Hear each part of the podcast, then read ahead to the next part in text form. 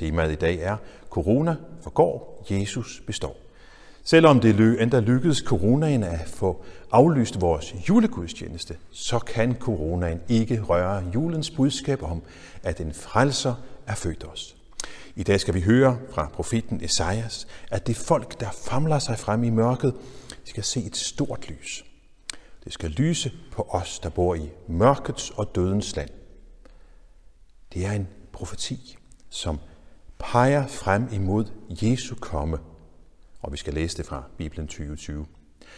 Vi skal selvfølgelig også høre juleevangeliet fra Lukas og blandt andet englens budskab. Frygt ikke, se, jeg forkynder jer en stor glæde, som skal være for hele folket. I dag er der født jer en frelser i Davids by, og han er Kristus Herren. Nu skal vi læse fra profeten Esajas i det 9. kapitel, og vi læser det fra Bibelen 2020. Det folk, der famler sig frem i mørket, skal få et stort lys at se. Det skal lyse på os, der bor i mørkets og dødens land. Gud, du giver os storhed og glæde. Vi skal juble, ligesom man gør, når høsten er overstået, ligesom man gør, når krigen er forbi, og man deler krigsbyttet imellem sig. For du har fjernet den vægt, der tvang vores skuldre ned. Du har knækket slavepiskerens stok, ligesom dengang du lod helten Gideon vinde over Midians hær. Soldaternes støvler og deres blodige kapper bliver smidt på bålet og brændt. For et særligt barn er født her mellem almindelige mennesker. Vi har fået en søn. Han skal regere over os, når han bliver voksen. Han skal kaldes den kloge rådgiver, den stærke Gud, den beskyttende far, den evige fredskonge. Han skal blive en stor hersker, og den fred, han giver til hele sit kongerige, skal vare for altid. Hans magt hviler på godhed fra nu af og altid. Amen. Og det skete i de dage, at der udgik en befaling fra kejser Augustus om at holde folketælling i hele verden. Det var den første folketælling, mens Quirinius var stadholder i Syrien, og alle drog hen for at lade sig indskrive hver til sin by. Også Josef drog op fra byen Nazareth i Galilea til Judæa til Davids by, som hedder Bethlehem, fordi han var af Davids hus og slægt, for at lade sig indskrive sammen med Maria, sin forlovede, som ventede et barn. Og mens de var der, kom tiden, da hun skulle føde, og hun fødte sin søn, den første fødte, og svøbte ham og lagde ham i en krybbe, for der var ikke plads til dem i herberget. I den samme egen var der hyrder, som lå ude på marken og holdt nattevagt over deres jord. Der stod Herrens engel for dem, og Herrens herlighed strålede om dem, og de blev grebet af stor frygt. Men englen sagde til dem, frygt ikke. Se, jeg forkynder jer en stor glæde, som skal være for hele folket. I dag er der født jer en frelser i Davids by. Han er Kristus, Herren. Og dette er tegnet i for. I skal finde et barn, som er svøbt og ligger i en krybbe. Og med et var der sammen med englen en himmelsk herskare, som lovpriste Gud og sagde, Ære være Gud i det højeste og på jorden. Fred til mennesker med Guds velbehag. Og da englene havde forladt dem og var vendt tilbage til himlen, sagde hyrderne til hinanden, Lad os gå ind til Bethlehem og se det, som er sket, og som Herren har forkyndt os. De skyndte sig derhen og fandt Maria og Josef sammen med barnet, som lå i krybben. Da de havde set det, fortalte de, hvad der var blevet sagt til dem om dette barn, og alle, der hørte det, undrede sig over, hvad hyrderne fortalte dem. Men Maria gemte alle disse ord i sit hjerte og grundede over dem. Hvordan skal vi holde jul i år? Hvem skal vi holde jul sammen med? Når vi nu kun må være ti samlet og helst skal være sammen med dem, vi plejer at være sammen med? Skal vi synge og gå om juletræet. Og hvad med pakkelejen, hvor både terning og pakker skifter hænder hele tiden? Må vi overhovedet komme i kirke? Disse og mange andre spørgsmål har mange af os skulle snakke om i år. I dette, dette mærkelige år, hvor en lille bitte virus med enorm magt har præget os. Og i går aftes så endte det med, at coronavirusen endda fik de kirkelige myndigheder til at anbefale ikke at holde almindelige gudstjenester i julen, og derfor denne online julegudstjeneste. Det er som om, at der lige nu foregår en, en magtkamp imellem coronaen og de ellers så urokkelige juletraditioner. Normalt så plejer kampen om juletraditionerne at handle om, om vi nu skal følge vores juletraditioner eller jeres juletraditioner. Og den snak kan så nogle gange også udvikle sig til en diskussion, og må ikke bølgerne nogle gange er gået ret højt i den her diskussion. Fordi traditionerne de har en stor betydning for os. De er jo, de er jo fyldt med minder og det på en måde, det repræsenterer noget af, af værdi for os. Noget, som er en del af vores identitet. Men i år har udfordringerne med juletraditionerne så fået en helt ny dimension.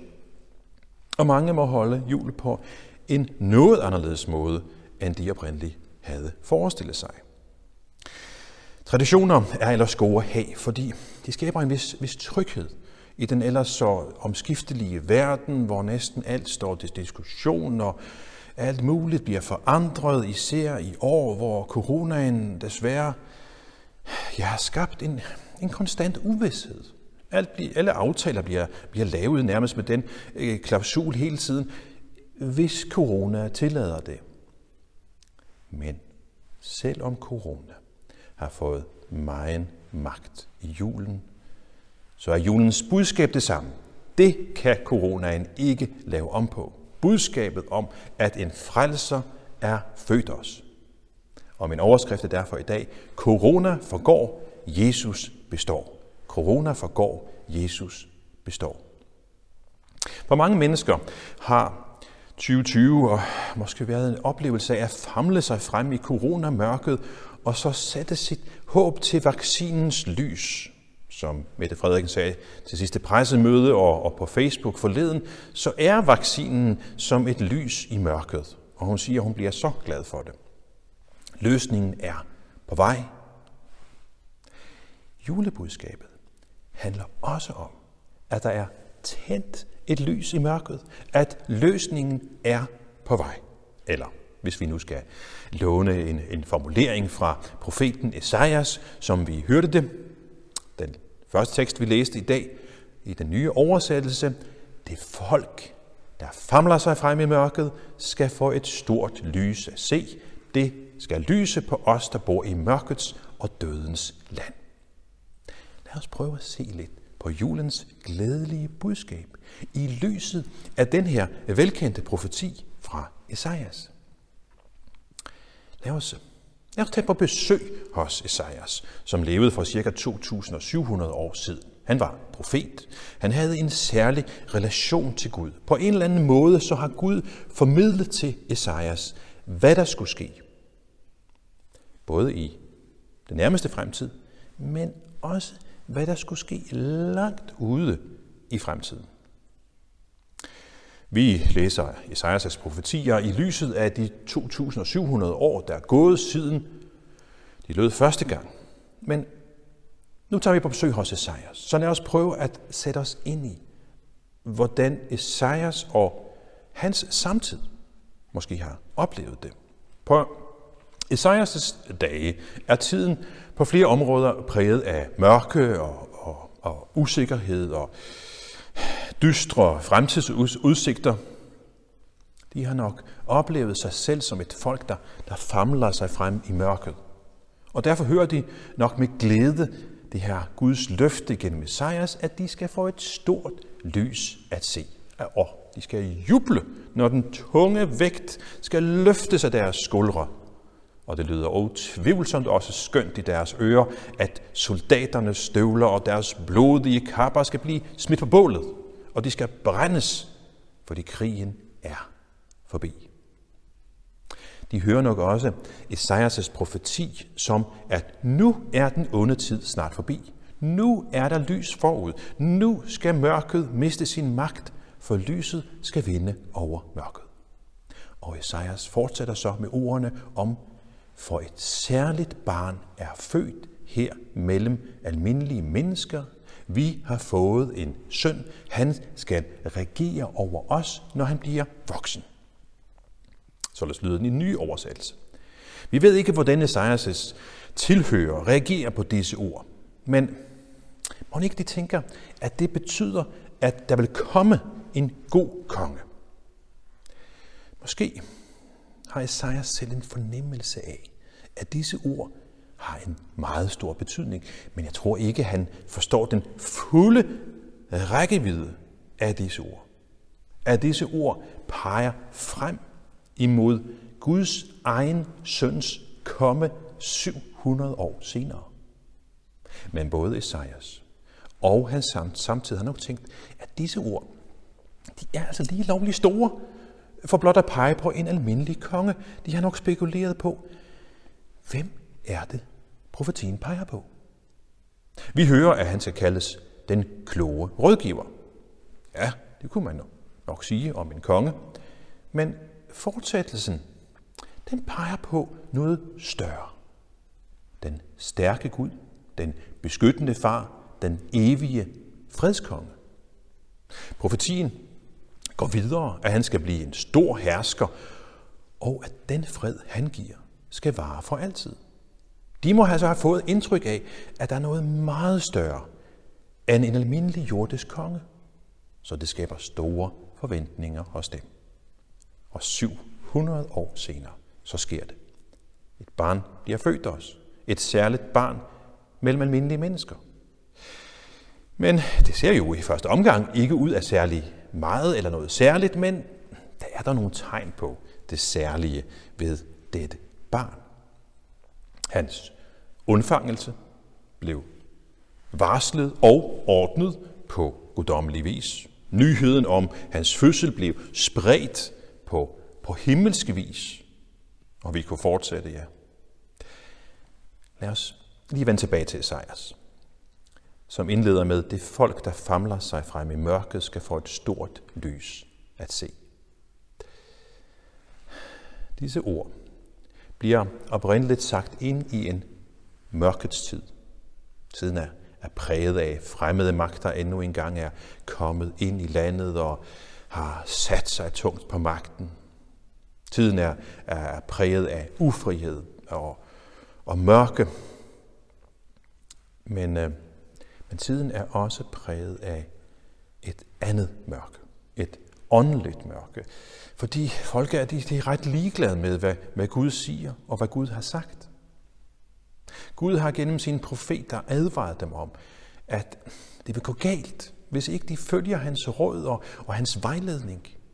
Gud har, har brugt Esajas og de andre profeter til at advare folket om, at hvis de ikke kommer på ret kurs igen, jamen så vil de miste deres land og endda blive bortført til et andet land og være der i, i lang tid. Men deres budskab har svært ved at trænge igennem til folk. De åndelige mørke over, over landet, de bliver bare værre og værre. Og ikke så længe efter, så går profetens ord i opfyldelse. Folket bliver bortført til Babylon. Det er ikke før en folket sidder i fangenskabet i Babylon, at de virkelig får øjnene op for profetens advarsler. De var ægte. Der indser de, at de lever i mørke. Og der kan de så finde trøst i profetens ord om, at der skal komme et lys. At lyset skal skinne i mørket. Og de finder glæde i hans ord om befrielse og, og fred i dag. Så lyder de samme ord til os. Og spørgsmålet er, om vi kan høre den alvor og den glæde, som også i dag ligger bag disse ord. Dengang forstod de ikke budskabet før de fik øje på mørket i deres liv. På samme måde forstår og hører vi ikke det enlige budskab, hvis vi ikke ser mørket hos os. I dette coronaår er der blevet talt meget om, at vi især skal passe på de særligt sårbare. Myndighederne de har igen og igen forsøgt at, at forkynde det budskab, at selvom man selv øh, ser, ikke ser corona som den store fare, jamen så skal man passe på for de særligt sårbares skyld. Der er for eksempel blevet sagt til de unge, at de skal passe på, så de ikke bringer smitten til deres øh, sårbare bedsteforældre juleaften. Det har også, der har også været et vis eksempler i fjernsynet om mennesker, som, er, som har levet i isolation siden marts, fordi de er særligt sårbare. Og de glæder sig enormt til vaccinen kommer, så de kan få et liv igen. De glæder sig til vaccinens lys, fordi de lever i coronaens mørke land, kan vi sige. Jo større fare man oplever coronaen at være, jo større løsning opleves vaccinen at være. For dem, som ikke anser coronaen for at være noget problem, så er vaccinen også mindre betydning. Lad os tage den tanke med over til julens budskab. Har vi brug for den frelser, julen handler om? Er vi i mørke, så vi har brug for, for julens lys? Vi skal ikke bladre mange sider i vores Bibel, før vi læser om, hvordan vi mennesker vendte ryggen til Gud, fordi vi hellere ville gå egne veje, end at følge Guds vej. Den tendens kan jeg få øje på i mit liv, og man ikke også de fleste af os kan, kan finde eksempler på, at vi har det med at vende ryggen til det, som kommer fra Gud. Og netop det er det mørke, som vi må få øjnene op for, for at kunne begribe, hvorfor også vi har brug for en frelser. Når Isaiah siger, det folk, der famler sig frem i mørket, jamen, så handler det ikke kun om dem, som lever på hans tid. Nej, vi er også det folk, der famler sig frem i mørket. Men også vi kan opleve at se et stort lys. Opleve, at Gud griber ind og giver os sin søn som vores frelser. Englens budskab er også til os. Når englen klart og tydeligt, uden mundbind, forkynder, frygt ikke. Se, jeg forkynder jer en stor glæde, som skal være for hele folket. Og hvad er så den store glæde, vi skal høre? Jo, englen fortsætter. I dag er der født jer en frelser i Davids by. Han er Kristus, Herren. Der er født en frelser for os, som har brug for ham. Vi skal få et stort lys at se, os der famler os frem i mørket. Vaccinen er et stort lys i coronamørket. Jesus er det store, funklende lys ind i vores åndelige mørke. Og dette er en uendelig stor glæde. Men glæden bliver størst, når det går op for os, hvordan vores situation egentlig er, og hvad Gud i sin store kærlighed har gjort for vores skyld. Coronaen forgår. Jesus består. Amen. Lad os med apostlene tilønske hver andre, hvor Herres Jesu Kristi nåde, Guds kærlighed og Helligåndens samfund være med os alle. Amen.